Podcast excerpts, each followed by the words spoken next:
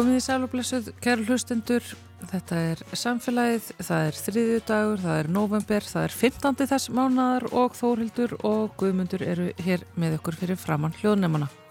Við höfum fréttir af því um helgina að mörtustofnin í Þingvallavatni var í afar slæmu ástandi. Við höfum að tala um Þingvallamörtuna við Finn Ingimarsson, forstöðumann Náttúrustofu Kópavoks sem hefur vaktað Þingvallavatn undarfærin ár.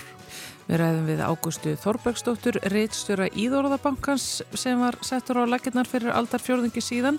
Bankin er uppflettið safn orðainnan ákveðina starfs- og fræðigreina. Sum orð þekkir almenningur vel, önnur eru alveg svakalega sérhæfð. Sum ná flugi, önnur ekki. Það er nefnilega bæði list og vísendi að finna upp orð sem er þjált stutt og lýsandi fyrir efnið. Meira um það hér og eftir. Halla Tómasdóttir, postjóri The B-Team er komin heim til New York eftir að hafa sótt loftslagsráðstefnu saminuð þjóðuna COP27 í Sjarmel Sheikh í Egiptalandi. Hún verður á línu hjá okkur og segja okkur frá því sem hún var að gera þar. En þetta maður að byrja á mörtu.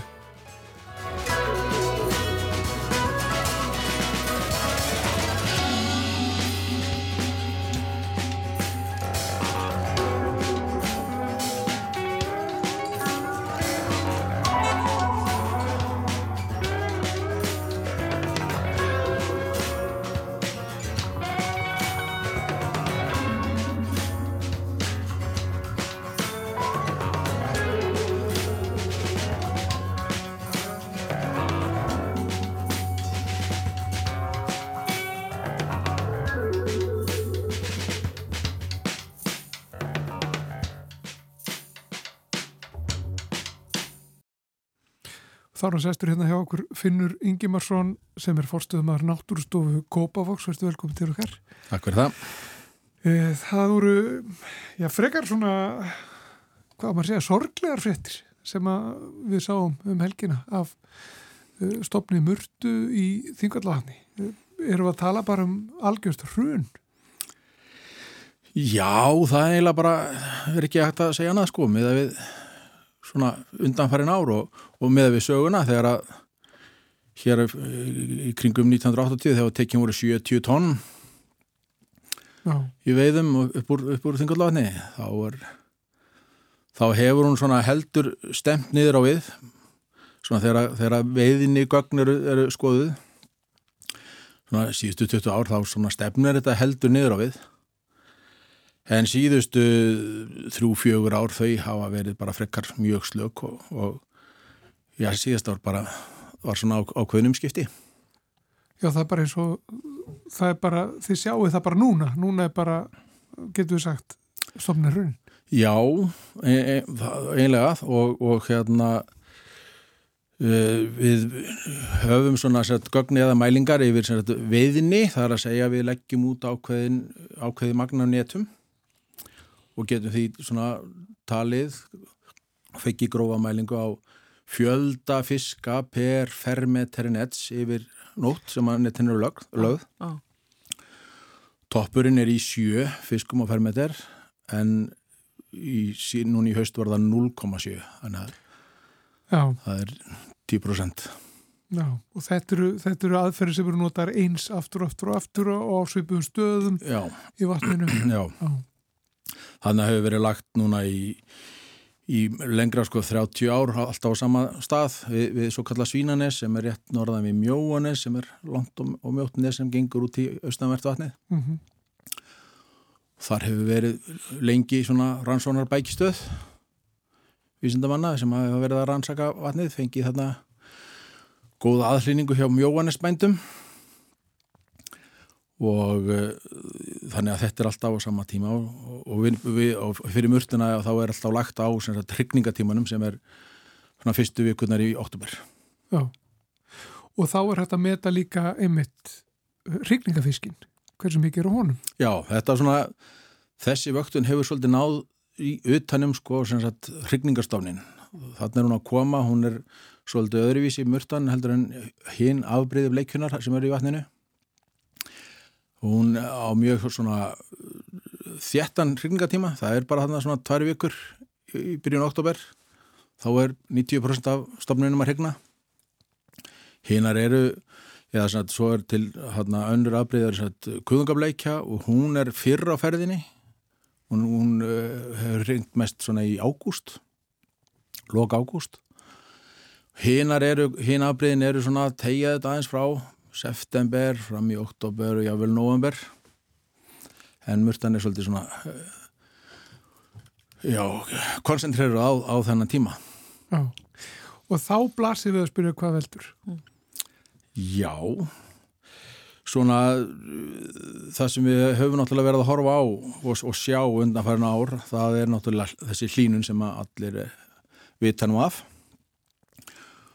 Og já, við sjáum það víðar, við sjáum það til dæmis, það er nýju útkomingar einn í svona alþjóðlegu tímariti sem tekur saman veiðitölur meðal annars hérna frá Íslandi og Nóri og þar er þetta svona aðeins borið saman í hlutfalli við aðra lagsfiskastofnar, örriða og, og, og lags og þar er bara víða það sem að bleikju hefur hnignað, er svona hlutfall í veiði, er, er hefur farið minkandi á móti hinnum fiskunum. Mm. og uh, þetta er náttúrulega við, þetta er orðin sennilega einhver 20 ár síðan við menn sáu þetta í elliðavatni. Þar, þar einlega gerðist svona sepa það með, að, að bleikju eði dróst verulega saman. Með þennan urriðin hjælt sér. Og þar voru, voru menn að spá í ímsar ástæður þar voru menn að spá í meðal annars ál og eins og kom upp líka bara hitti og þar kom upp reynda líka uh, sníkjudýr. Þar sem að, að hérna sem er, svona, sem er frumdýr sem að leggst á nýrnu veldur nýrnaveiki og þá voru svona uh, eftir aðtúinum vísnamann á keldum þá hérna sá þeirra að það var ansi átt hlutvall sem báru merki þess að hafa orðið fyrir þessum einhverjum svona nýrnasíkingum og uh, en í, í þingvallatni hefum við ekki orðið varfið það að, að, að því sé til að drefa. Þannig að þarna, jú, hittinn kemur, kemur inn og uh, svo hefur náttúrulega í þingvallavatni þar hefur riðastofnin verið að styrkjast mjög ekki, hann hefur verið, honum var nú verið að reyna að hjálpa honum svolítið því að menn vildi náttúrulega fá hérna hennan fræga þingvalla urriða sem að vittist hér á árum áður og, og gerðist ansi tröllslegur í, í stærð. Og, og urriðastofnin hefur styrst mikið í vatninu núna síðust ár. Þá mögulega kostnað mörtunar Já, þegar hann nær ákveðin í stærð þá náttúrulega fer hann að, að lifa á mörtu og þessi, þessi, þessi stóru urriðar hafa öruglega verið aðalega og fyrst af fremst að lifa á mörtu mm. þeir hafa eiga þá að bíla svona sinn þátt líka í því Já, og ef hún er veikari fyrir þá náttúrulega bæti það ekki úr skák að, að vera með svona náttúrulegan óvinn sem að Já, mitt, vill ekkert frekar hann að geta mörgstu Nei, nei. Já, vel, menn þeir svona fiskar velja sér svona bita eftir eftir því hvað er áða við og eftir stærð og hvað er þurfa. Já. Þannig að þeir skipta þeir skipta úr, úr kannski svona botdýrum, reglisingum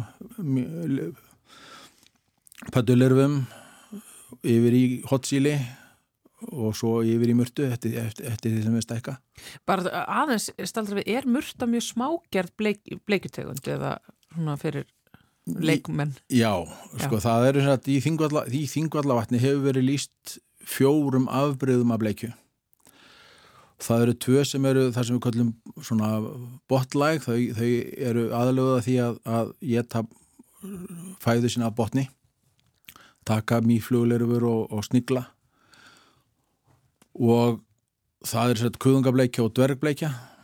Það það er, það er það samilt að vera svona það sem að kalla undirmyndar þannig að, að neðri kjálkin er, er ábærandi stittir í heldunni svo efri. Ja. og svo er aðskilnar á milli þeirra slitt líka í starð að dvergbleikjan verður bara svona 10 cm mest. Menn að hinn fer í getur við alveg orðið þrjú, fjögur pund. Og svo erum við með að sviflaga stofna, það er að segja mörtuna sem að sérhæfi sig í því að líta sögulega krabbadýr og svona fæðu sem er, er á floti, tekur til dæmis líka mýpúpur sérstaklega á klagtíma þegar að flugan er að fljúa upp þegar það er að breytast úr lirfum og, og, og í fullanda flugu mm. og svo höfum við sem sagt sílableikju sem að svona rannsóknir síðustu ára eru að renna svona stóðum undir það að þetta eru sem sagt einlega mörtur sem að læra að geta hotsili og þá taka þeir út, já. út meiri stærð. En er einhvers íður sér tegund? Já, það er ennþá er talað um sem, sem afbreyði. Já. Við mennum ekki fannir ennþá að, að, að skilgarna þetta sem, sem sérstakar tegundir þó að það fari nú kannski að styrkjast á grundvöldur. Mm. Það er að segja ef þetta er hinnur ekki mm. allt saman. Mm -hmm. sem þetta er að gera. Já, þarna eru menn satt, í, í vatninu eru menn satt, og, og þetta er einlega fyrstu stöðum sem þetta er gert fyrir svona ferskvarsfiska að það lýsa sagt, fyrstu skrefum teg, tegunda þróunar eða tilur nýr, nýrra tegunda þannig að kemur bleikjan nefnur hérna land fyrir 10.000 árum síðan í lok Ísaldar þá voru þetta bara allt einn ein tegund, einn stopn, engin afbreyði en af því að þingalagt er stórt og fjölbreytt og þarna geta verið mikið af fiski þá byrjaði þeirra að, að sérhæfa sig. Já. Og þá skap svona sérhæfing að svona meðsmöndi fæðu aðlögun þá, þá skapar hún hann að, að þeir fara að lifa í mismöndi búsvæð En ég veit um þetta lífræðingar eru svo faglega spenntir yfir þessu, þessu þróun sem hefur verið að eiga sér stað í þingvallavatni þannig að það hlýtur að vera hræðilegt einhvern veginn að það komi síðan útrýming og eiðilegi fyrir því að þess að horfa á þessa fögru þróunarsögu sem að er að eiga sér staðan í þessu vatni. Já, já, menn, menn, menn töldu hérna að sko, þingvallatn væri mjög stöðugt og menn hafi ekki verið að horfa á miklar breytingar sko fyrir en bara núna allar síðust ár. Það er, er að gerast miklu hraðar í grinnri vötnum. Já, en þetta er hlínun? Þetta er, að hlínun er, er, er stór þáttur í þessu. Og svo náttúrulega er líka til þess að sem að styrkir ekki stöðuna. Við sko náttúrulega vöktum þessa fæðu þessa fæðu dýr mörtunar þessar krabbafló langkallafló eða, já, langkallafló sem hún kallast. Og hún hefur líka verið í svona frekar slöku ástandi núna síðustu allavega síðustu þrjú ár og það getur hongið saman. Það, það, getur, það, það, það bætir ekki úr, úr skák sko. en, en það er líka sko starfsemið þannig að við vatnið það er orguvinsla hefur það áhrif, hefur það verið rannsakað? Á, á, á vissan hátt hefur það náttúrulega verið reynd að gera það sko fylgjast með. Og til dæmis sko þessi vöktun sem að sem að hefur átt sér stað núna alveg samféllt síðan 2007 að það eru orku fyrirtækin sem að sem að kosta hann að, að hluta til að móti þingvallar þjóðgarði og, og sveitarfélagunum þannig að, að það er verið að reyna að fylgjast allavega með hvort að þau séu að hafa áhrif en svona Uh, það, það er hérna, bein áhrif af, af þessari vinslu er kannski ekki að sjá í áhrif í, í vatninu það, uh, við höfum aðeins aft áhyggjur af, af losun svona á þétti vatni úr frá neseföllum en því á að vera allu dælt niður í, í borhólur það er, það svona aðeins reyndar að, að komi yfirfall þegar, þegar þeir geti ekki alveg nýtt allt, allt heita vatnið sem er, sem er fyrir að kæla turbínunar og, og nýtist nú annars eh, og alla jæfna vettunar vel til að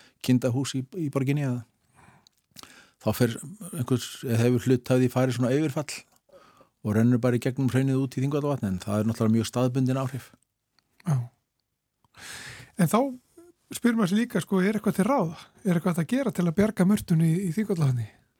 það er kannski ekki að kæla vatnið með rætt Nei, ég held að við förum ekki að fara að kæra jökul úr, úr langjökli og, og ranna fleitunum niður. Það er erfitt Nei, það er, við, það er náttúrulega sko gegn svona þessum lofslagsbreytingum þá er bara þetta bríning sem að náttúrulega er hverður ramt við við þurfum að fara að huga okkar gangi í, í, í, því að reyna að koma í vekk fyrir þessa hlínun Já, fyrir þó að við kerum uh, eh, bensibílunum okkar aldrei framar og þá er þetta mögulega samt orðið og sendt fyrir mörtuna. Já, það hugsanlega sko.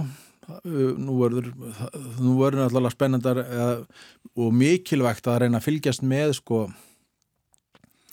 framvindinni þannig að, að það er mikilvægt að reyna að bæta örlítið í þessa vöktun sko, vöktunni sem er í gangi hún, það er, það er náttúrulega alltaf kvarta undan því hvað náttúrufarsrannsónir eru dýrar uh mhm. -huh. taka langan tíma og allt það en, en þannig að vöktunni núna hefur verið svolítið sértæk, hún beinist að svif, svifvistinni þessum dýrum sem eru á flotti eða sundi í vassbólum en við þurfum að aðeins að reyna að útvika það, reyna að fá svolítið meiri heldarmynd Það hefur aldrei verið eins mikilvægt að fylgjast með þingvallavatnu og núna, þetta hljómar þannig. Já, já, emitt og, og náttúrulega er þetta náttúruperla og friðuð og, og samkvæmt lögum og þannig að það er mikilvægt að, að reyna að grípa inn í og reyna að skilja betur. Við þurfum að reyna að bæta svolítið í sínatökuna og, og til þess, að, til þess að fá svona svolítið sterkari og betri mynd af því sem að gerist. Hljómasand svona spínlitið sem að segja fylgjast rosalega vel með mjög hægu lestarslýsi sem að getur bara endað veitu veg. Já, um mitt. það er spínlitið svolítið.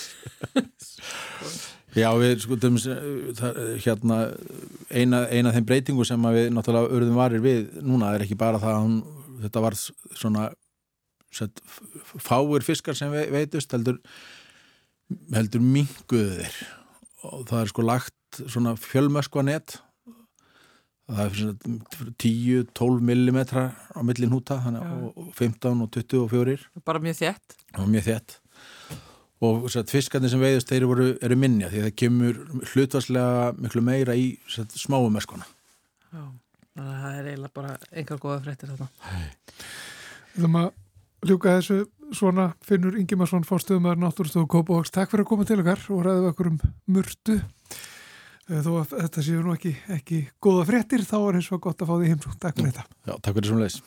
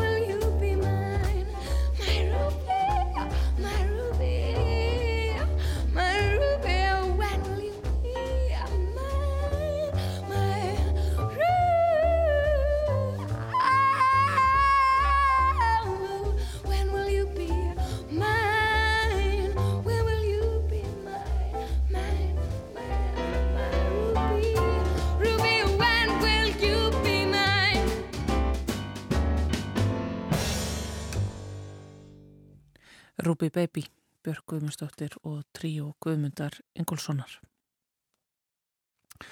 En svo við höfum áður fjallað um hér í samfélaginu þá stendur nú yfir 2007. aðeldaríkjafundur og ráðstefna lofslagssamnings saminuð þjóðana eða COP27 og formleg sendinemt frá Íslandi í Sjarmel Sheik þar sem ráðstefnan fer fram þessa dagana tilur 17 manns en alls eru þáttakendur frá Íslandi á 5. tug.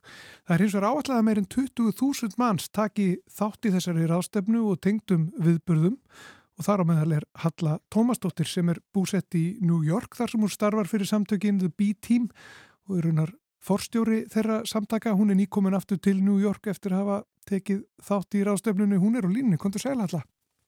Kontur sæl, hvað myndir? Viltu segja eitthvað kannski aðeins fyrst bara frá B-Team og, og hvert svona ykkar erindi var á COP27?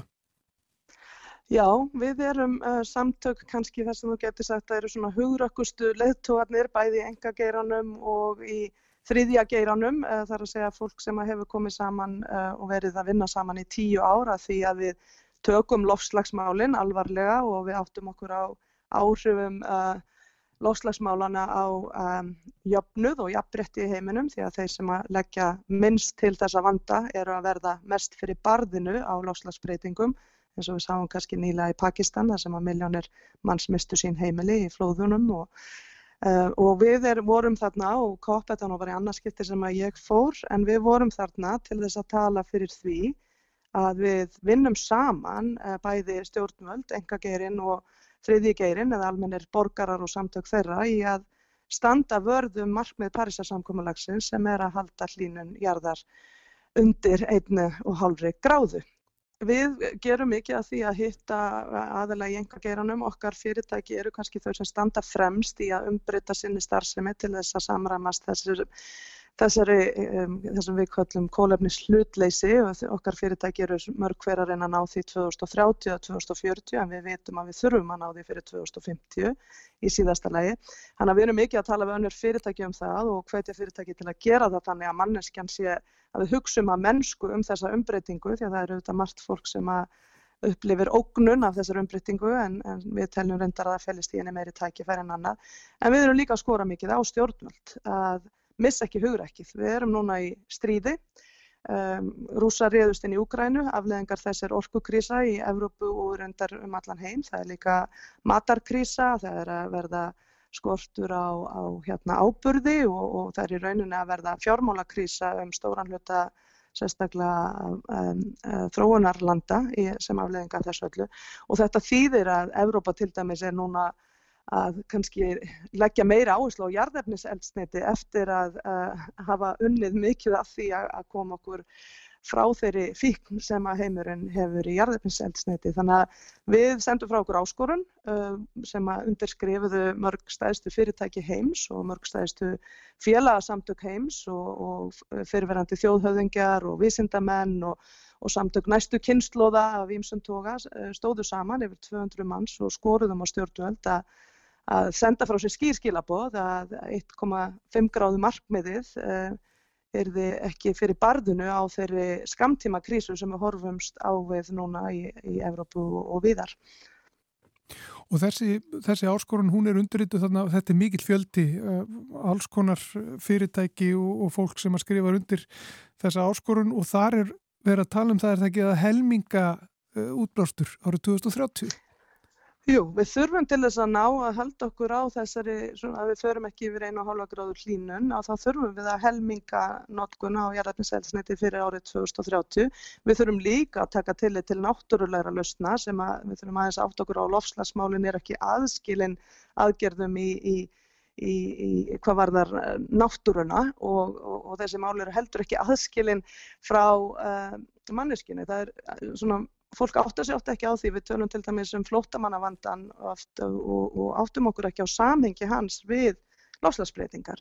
En það er staðrind að við erum nú þegar með flóttamannavanda og það verða miljónir mann sem að munu ekki geta búið uh, þar sem að, að þeir búa núna já, bara innan tíðar. Það voru þegar miljónir mann sem geta ekki búið þar sem þau byggu áður eftir flóðin í Pakistan. En það verður sko miljardur eða meira ef við náum ekki þessu markaði. Þessu markmiði. Þannig að fólk áttar sig ofta ekki á því hver munurinn er á að við náum 1,5 gráður, náum að takmarka línun við það eða förum í 2 gráður og eins og stendur þá erum við að horfa á það að við séum jafnveg langt yfir það. Þannig að þetta er ekkit eitthvað svona mál sem snertir, um, þetta er ekki mál sem er eitthvað töksjónamál, þetta snýst bara um, um líf og, og, og, og lífsviðurværi miljónir eða alltaf miljards manns. Um, þannig að Við þurfum að taka hérna svolítið aðra nálgun á þetta held ég þetta er um verið að gera. Það hefur mikið verið talað auðvitað af miklum óta og hræðslu um loslæsbreytingarnar. Uh, ég held að þetta gæti verið staðista tækifæri sem við standum fram með fyrir, sérstaklega þjóður eins og Ísland sem standa svo framalega og eiga kannski svo lítið eftir til þess að gera þetta vel og geta orðið öðrum fyrirmynd og, og sínt fram á margar lusnir. En við erum að horfa á að þjóður eins og Kína Indland og, og, og margar aðra, sérstaklega þar sem oljufyrirtæki hafa mikil áhrif, eh, eru bara ekki að standa sér nógu vel. Stóru þjóðurnar þurfa að vera með í þessu ferðalagi og ég fann fyrir því í Egiptalandi að þessar þjóður eru svona svolítið að draga úr þessum metnaði sem við þurfum að hafa fyrir því að halda okkur á 1,5 gráðu takmarkinu. Þetta er í rauninni takmark fyrir að við öll eigum uh, gott uh, líf og ekki síst bönnin okkar. Já.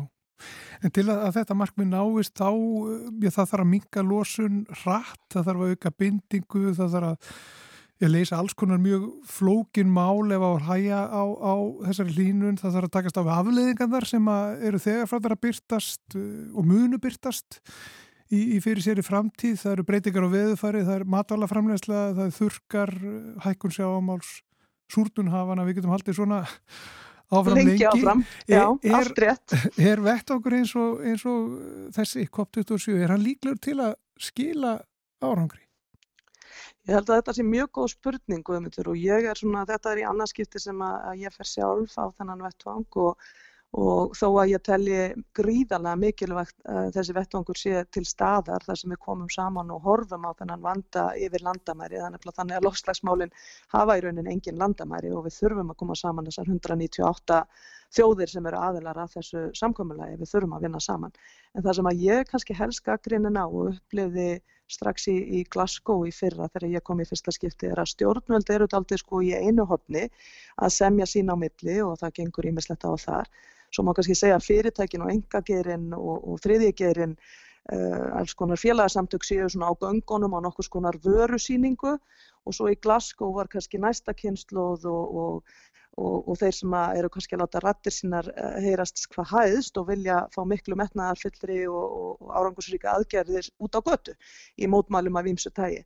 Núna í Egiptalandi mátti það ekki, mannréttindi voru ekki háfum og það var svolítið skrítið að vera þarna og sjá að í rauninni voru tveir geirar að láta til sín taka, stjórnvöld og enga geirin að mestu um, en, en svona það var haldið verulega aftur að því að fólk fengi frelsi til þess að láta rattir sína hljóma um, og þetta finnst mér einhvern veginn gamaldags fyrirkomulag sjálfri og mig dreymir um að svona ráðstefna breyti um kurs og, og fari að vera samvinna stjórnvalda enga geirans og ekki síst næstu kynnslóðar Við gerum mikið af því á bítim að láta forstjóra og næstu kynnslóðir af, af, af, af ungum aktivistum og yngri starfsmönnum og félagsamtökum setja saman í að leysa vandamálinn. Þetta er nefnilega flókið og þetta er margslungið en við, ég hef óðbáslega trú á fólki þegar það kemur saman en það er mjög erfitt að ná framförum í, í svona sundruðu andrúslofti eins og ég upplifa á þessari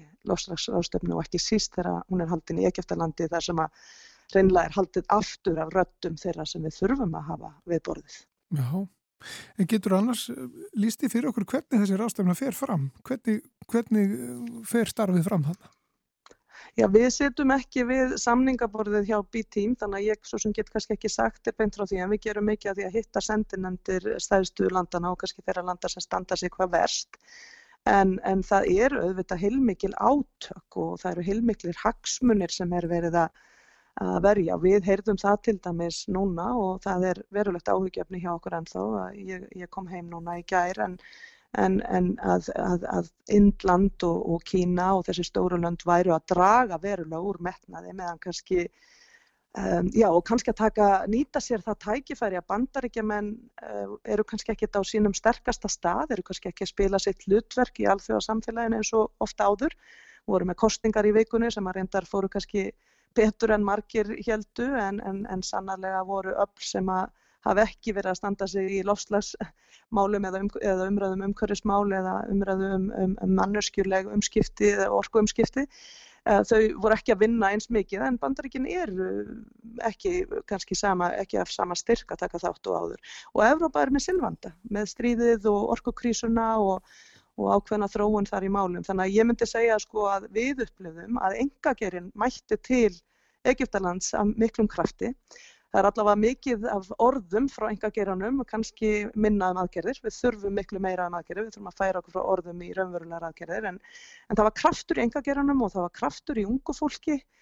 En, en, en við upplöfum svona aldrei þungt andrúsloft um, í, í samningaríminu og höfum að því áhyggjur og sendum kannski frá okkur þessa áskorun til að bregðast til því og sína stjórnvöldum að Við erum mjög mörg uh, og margir áhrifaðilar, bæði á vettvangi fyrirtækja og félagsamtaka, algjörlega tilbúin í að fara í þessa umbreytingu að, og þessa umbyltingu í rauninni sem við þurfum til þess að takast á öll þessi flóknuverkefni sem þú nefndir áður. Og það er alveg hægt að hugsa um þetta öðruvísi, Guðmundur. Ég held að við hugsa um alveg óbúslega mikið um óttan sem að, að okkur stæðjar og það er sannarlega ástæði til þess að hafa áhyggjur af þeirri þróun sem þegar er eiga sér stað með skóaraldum, með hlínun, sáum það í Breitlandi í sömar og sáum það yfir alla Evrópu. Við sáum það að orkuveri í Fraklandi er ekki að virka því að við erum oflítið vatni í ánum og það eru svo ofaslar afleg, miklar afleggingar komna nú þegar. Ef við hugsaum að það er verið sko tíu sinnum eða hundra sinnum meiri ef við tökum ekki þátt í þessu þá er það vissulega áhyggju efni.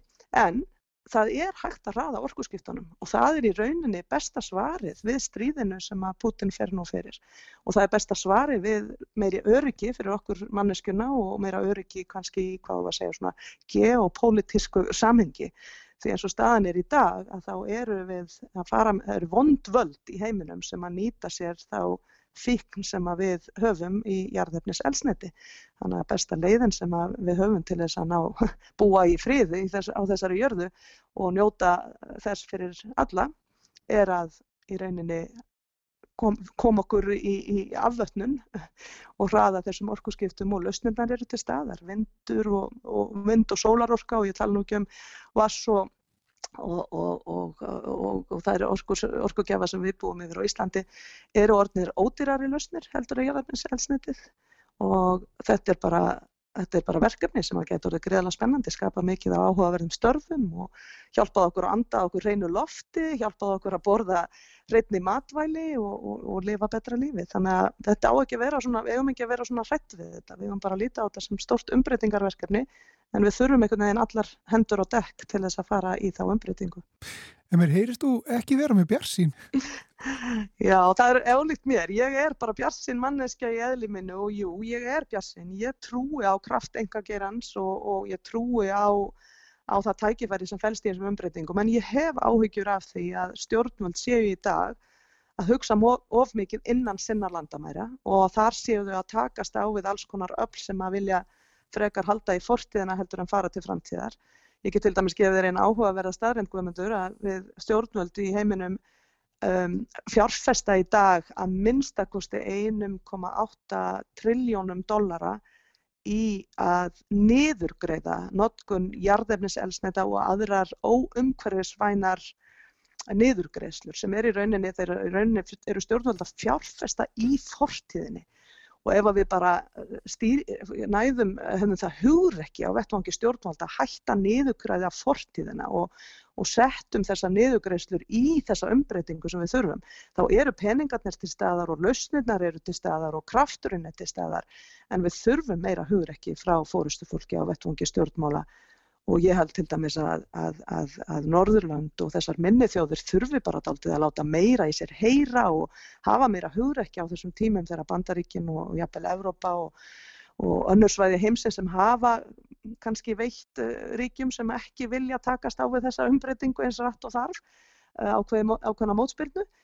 Svo mótspyrnu er veik núna og ég hef áhyggjur af því. En við bara verðum, það er ekkit, það er ekkit, það er ekkit annað val. Það getur ekkit okkar horst í augu við börnin okkar og sagt að vegna þess að við höfðum ekki hugrekkið til þess að, að vera uh, það fórustu fólk sem við þurfum nú á að halda að þá gáumst við upp á markmiði sem er bara einfallega okkur öllum lífsnöðsilegt og það er að halda hlínunjarðar innan þessarar einu og halvu gráðu. Halla Tómasdóttir, uh, forstjóri The B-Team, stödd í New York, nýkominn frá uh, COP27 í Egiptalandi. Uh, ertu þá jafnaði eftir, eftir ferralegið? Já, ég viðkynni það alveg að bæði tímamismunum mikil en það er ekki sofið mikið á sem ráðstöfnu. Ég var kannski að sofa þrjá fjóra tíma á nóttu þannig að maður aðeins streyttur og, og maður vann frá sex á mótnana fram með minnætti og reynda að nýta þau tækifæri sem felast í því að hitta fólk og skora á fólk að gera meira. Þannig að já, ég er aðeins að jafna mig og ég verð líka viðkynna að, að ég myndi ekki segja að Egiptaland hefði staðið sér sérlega vel sem um, sem aðili sem að var eh, svona okkar geskjafi. Það fór til dæmis illa fyrir brjóstið á mér að, að sjá hversu takmörkuð rödd fólksins uh, og sérstaklega næstu kynsluðar sem að venjulega lætur okkur vel heyra í sér en það skilnaðlega ég áður að gera það að það var haldið aftur á þeim og, og það voru aktivistar sem voru handteknir þarna, ég fór í gegnum fleiri öryggisleitir en ég hef nokkuð tíma farið í gegnum og það var ekki alltaf komið fram við fólk á þann máta sem að ég á að venjast. Þannig að ég fannst þetta svona það var svona ákveði sjokk að upplifa það andrónsloft sem að var þarna og, og þau áhrif sem að já, þessi stóru jarðefnisneitis fyrirtæki voru að hafa á ráðstöfnuna og ég held að við stöndum aldrei á tímamótum núna og þurfum um, að setja þeim uh, já, ákveðna úrslitakosti. Við þeir hafa aldrei, jarðefnisneitis fyrirtækin hafa aldrei hagnast meira en eru samt enn að hafa allt og mikil áhrif á stjórnvöld og er að fá allt og mikið að peningum frá stjórnvöldum í niðurgreislur þegar við vitum að niðurgreislurna rættu að fara í, í, í, í endurnýjala orkukjafa. Þannig að ég er svona pínu kannski þreytt og slegin að hafa upplifað sund sem var hérna en ég er algjörlega staðráðin í því komundur að við eigum ekkert val annað en að vera fólkið og, og sem, að, sem að ákveður að að ráðast um, að rótum vandans sem er að miklu leiti jarðarpinselsniti og að ykkur leiti það að, að við þurfum að vinna saman. Þetta er ekki, það, við getum ekki verið sundruð á milli þjóða eða innan þjóða í þessu verkefni. Þetta er verkefni sem þarf á okkur öllum að halda. Ljúkum þessu svona Halla Tómasdóttir, eh, þakka fyrir að gefa þið tíma til að spjalla við okkur. Gaman að heyri ykkur og, og, og góðar hverjur heim.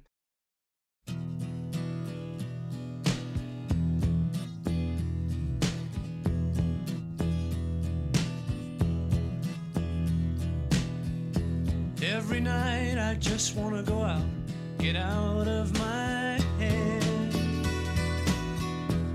Every day I don't wanna get up, get out of my bed. Every night I want to play out, and every day I wanna do. But tonight I just wanna stay in and be with you. Be with you.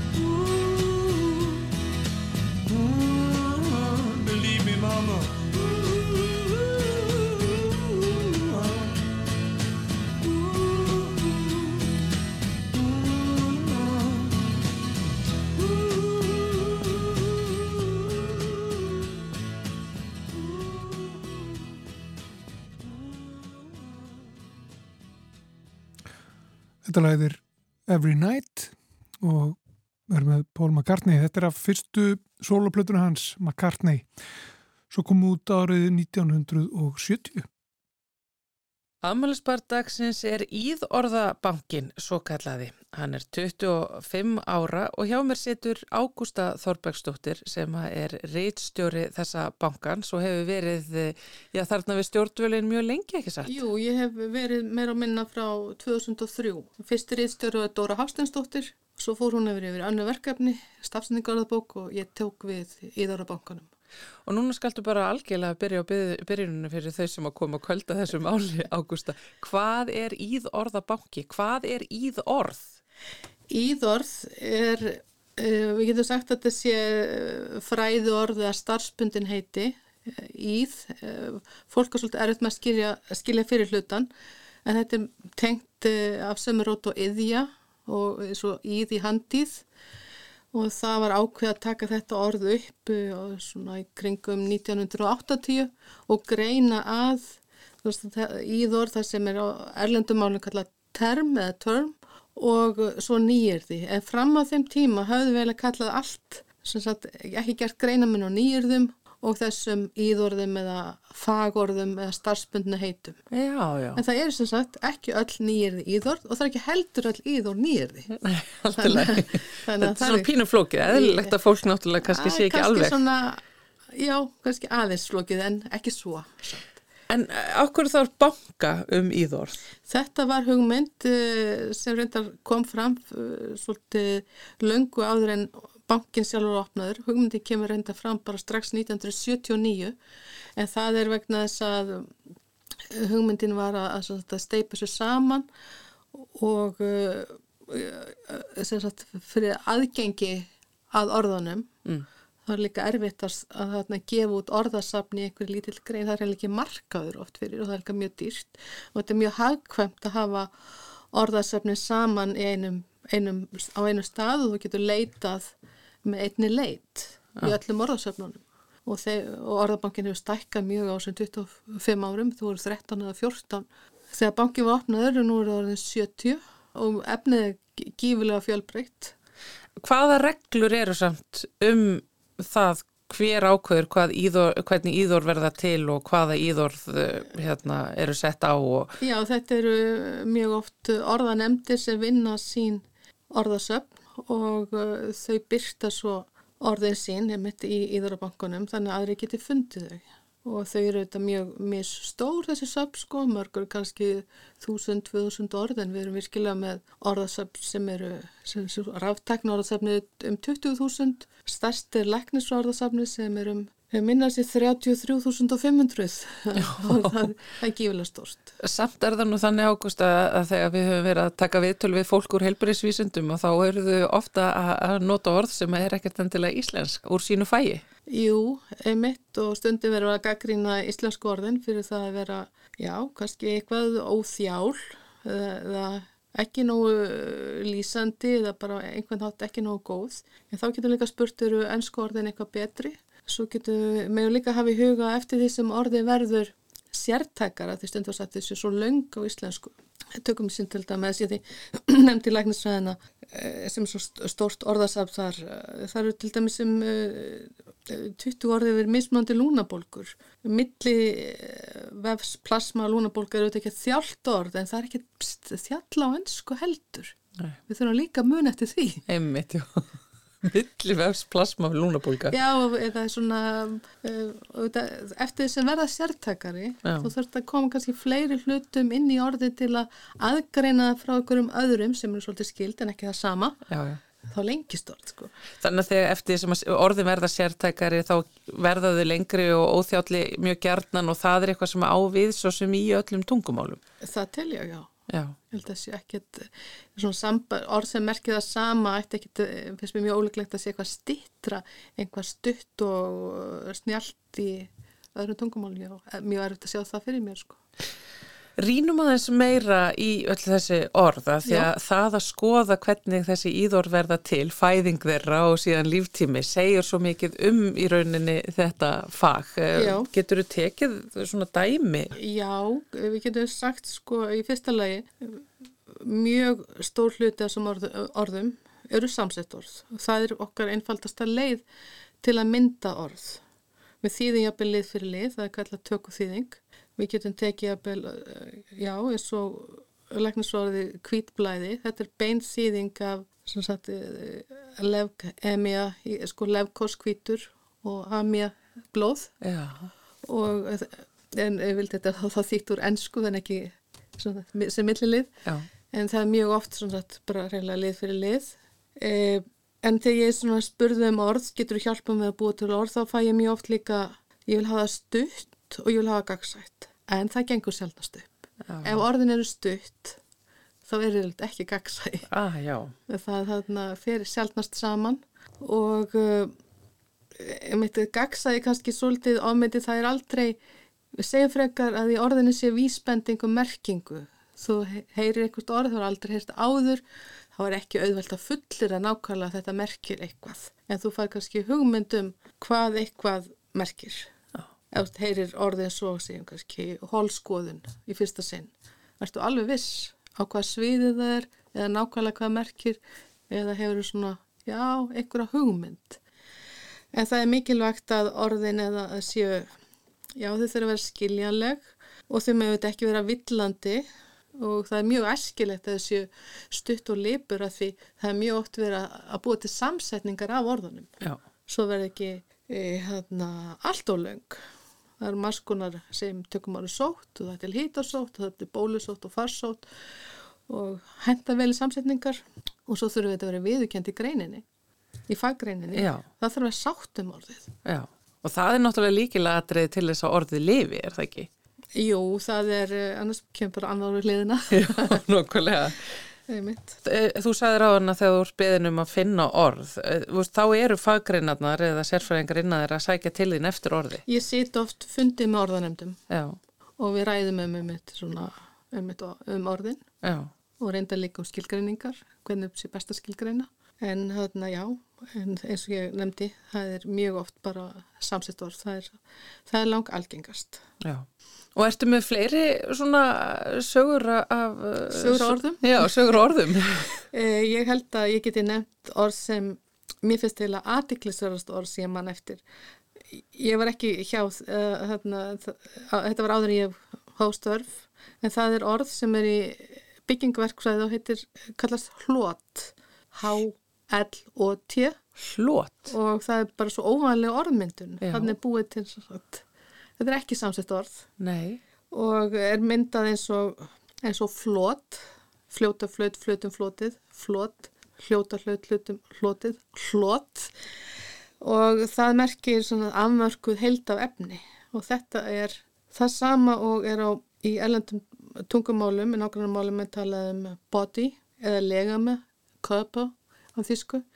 En það er þótt eitthvað fara ítla á íslensku að tala um vass líkama eða, eða, eða já, þannig að þetta orð var valið. Ég veit reyndir ekki hversu mikið það er notað, þetta er mest ást í orðasafni, þetta er mjög óvanlegt orð. Þetta er frábært orð og svo gaman að segja það. Hlót.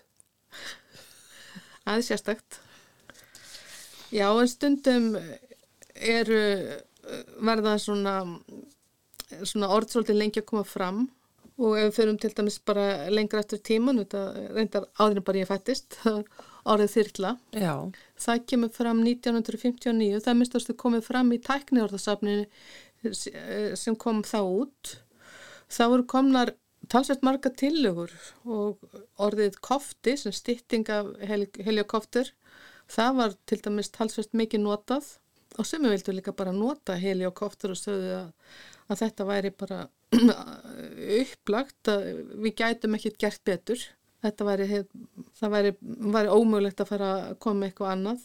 En aðra tillegur var til dæmis flugvinda sem þótti svona rökrétt að því orðiði myndað af grískórinu helix og, og pteron sem er sko helix er svona eins og vindingur eða gormur Já. og eignafallið, þetta er eignafallsliður fyrir hlutin helikos helix, eignafalli helikos það er heliko og svo kemur ter Já. og það er að vangur þannig að flugvangja væri kannski svona svona bein þýðing það var ekki mikið notað og svo man ég eftir Öngsusvél sem var í þísk-íslensku orðabókinu minni því að ég var í, í metaskóla eftir Jón Ófæksson. Það er alveg agalegt orð fyrir ekki. Það, það held ég hafi bara, þótt að komast inn í orðabók þá er ekki mikið notað. Þýril fluga, þýril vangja, þristilótsflugvel og þúra en svo kemur þyrkla fram hérna svona kringu 59, fyrst að kemur kennst inn í bókina og það er svona svolítið slæri gegn. Þetta er svona kannski dæmum það þarf svolítið nú stundur nokkra tilraunir Já. og þetta er líka orð sem svona almenningur er að tjá sig um en kannski orði í einhverju sem í ramasverkfræði eða byggingaverkfræði, leknisfræði almenningur er ekki þetta tekur ekki þátt í þessum samræðum Nei, um orðið. Nei. Það er eiginlega bara ef þetta er eitthvað svona já eins og þegar farsíminn kom þá eru geysilega miklar umræðu hvað skildi þetta heita gemsími eða heimsími og, og gemsi en nú er þetta farsímin á þetta bara svo venjulegi símin þannig að það segir bara sími já, já. og sama þegar appi kom hvernig var það krengum 2010 eða fyrr e, það, ég held að ég fengi eina 40 hugmyndir og fáar að það lifa e, smáfórit, snjallfórit stefja var svolítið notað í byrjun en það segilega bara allir app Já, já. Finnst þér frústrandi þegar það er búið að fá inn tillögur og það er verið að reyna að finna út orð og, og síðan fæðist bara eitthvað alveg sjálfstætt í tungumálunum svona meðal almennings? Nei, nei. Mér finnst það reyndar ekki en ég hugsa að það koma svona 40-50 tillögur og hérna, orðið þarf vel að koma snemma fram. Já. Það er erfitt að koma með eitthvað veist, íslenskt orð eða því þessi íslenskt orð þá já við að innlenda stopni stutt og þjált, gagsætt og allt það merki þetta hakaði allar reyti nei, það, það þarf eiginlega að koma fyrrfram já, já. áður en fólk fyrir að það er ekkert líkilatrið það skiptir gífilega miklu máli já. og okkur finnst oft orðin sérkennileg ef við verum van ef við verum vön eh, erlendorðinu og Það er byrðing á flugvelli. Er það boarding? Ah, það er boarding. Já, ég myndi aldrei nota orðið byrðing. byrðing. En það er, það er okkur orð og það er ekkit aðeins orðmyndun. Nei, nei. En, en það bara festist ekki? Það, já, við erum vön hinnu er, ég ég veit ekki hvað sem mikið að nota svona á, á flugvellum. Það segir bara, er byrjað að borda? Er byrðing hafinn?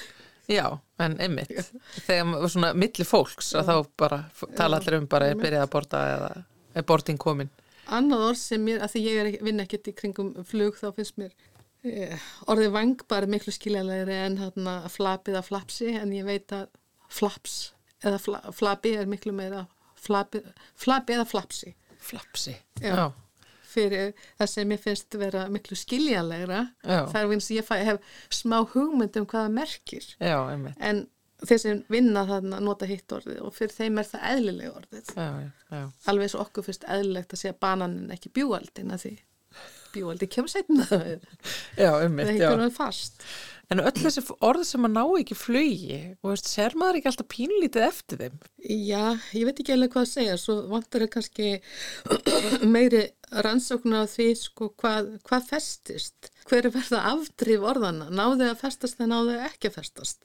Ég hef ekki alltaf einhverja rannsóknar um það en maður sé svo sem maður tekur upp einhvert gamalt orðasapn og sérstaklega tengist eitthvað, hefur eitthvað smá tengingu við almennt mál þá sér maður hm, nei þetta náði ekki flugi og annað festist en oft ef þetta er eitthvað mjög sértök uh, fræður þá hefur maður heil ekki hugmynda því maður get alltaf inn í, í greinunum Hvaða greinar þurfu að fara að gera það sér í brók? Hvað varðar það að setja upp gott íðorðasapn, fagorðasapnum uh, uh, sína sérhæfingu? Um, Ég geti orska eftir ymsum orðasöfnum, við eins og segja, sko, nú erum við komið með uh, nokkuð mörg orðasöfnum, við erum með 70, það er samt svona, ég er alltaf að vonast eftir og ég held að sé eitthvað að fara að gerast með fjármál, það er erfitt svið, það breytist svolítið mikið orðaforðin, það er ofta koma eitthvað inn í nýja reglugerðir. Ég sakna svolítið líka með með matvæli eða næringafræði, það vantar alveg þar, ég er ekki heimsbyggi, ég held samt að sé eitthvað til einhver staðar í einhverju skúfum.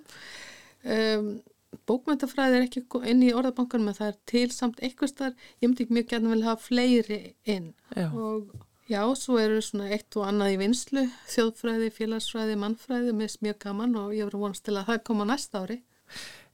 Bjargar íðorðasafn íslenskunni? Um, í íslenskun málstefnu er talað um að, að það verður hægt að nota íslensku á öllum sviðum mm. og þá er alveg mikilvægt að það sé til orðaforði sem við getum notað íslensku þannig við þurfum ekki að tala grýpa til ennsku til að geta rætt um einhver, einhver afmörkur svið sko. Við höfum þá mistu úrstu orðin en svo má alltaf spyrja, getum við ekki bara nota tök orð og skellt viðegandi endingum á en viljum við það þannig að þetta er hana, þetta er tóast á sko ja. Þannig að óskalistinn stutt, gagsætt, innlítastofni þjál og allt það samræð með tungumálið við náum kannski ekki alltaf öllum atriðum En þegar það tekst að þá er það frábært. Já. Gaman að fá því í heimsóknu Ágústa Þorbergsdóttir, reittstjóri Íðorðabankas til hamingju með amalið og, og megiði stækka á dafna sem allra mest. Takk fyrir. Og þannig ætlum við að ljúka samfélaginu þennan daginn. Já, við komum hér aftur á sama tíma á morgun. Þórildur Ólustóttur og Guðmundur Pálsson Kveðja. Verið sæl.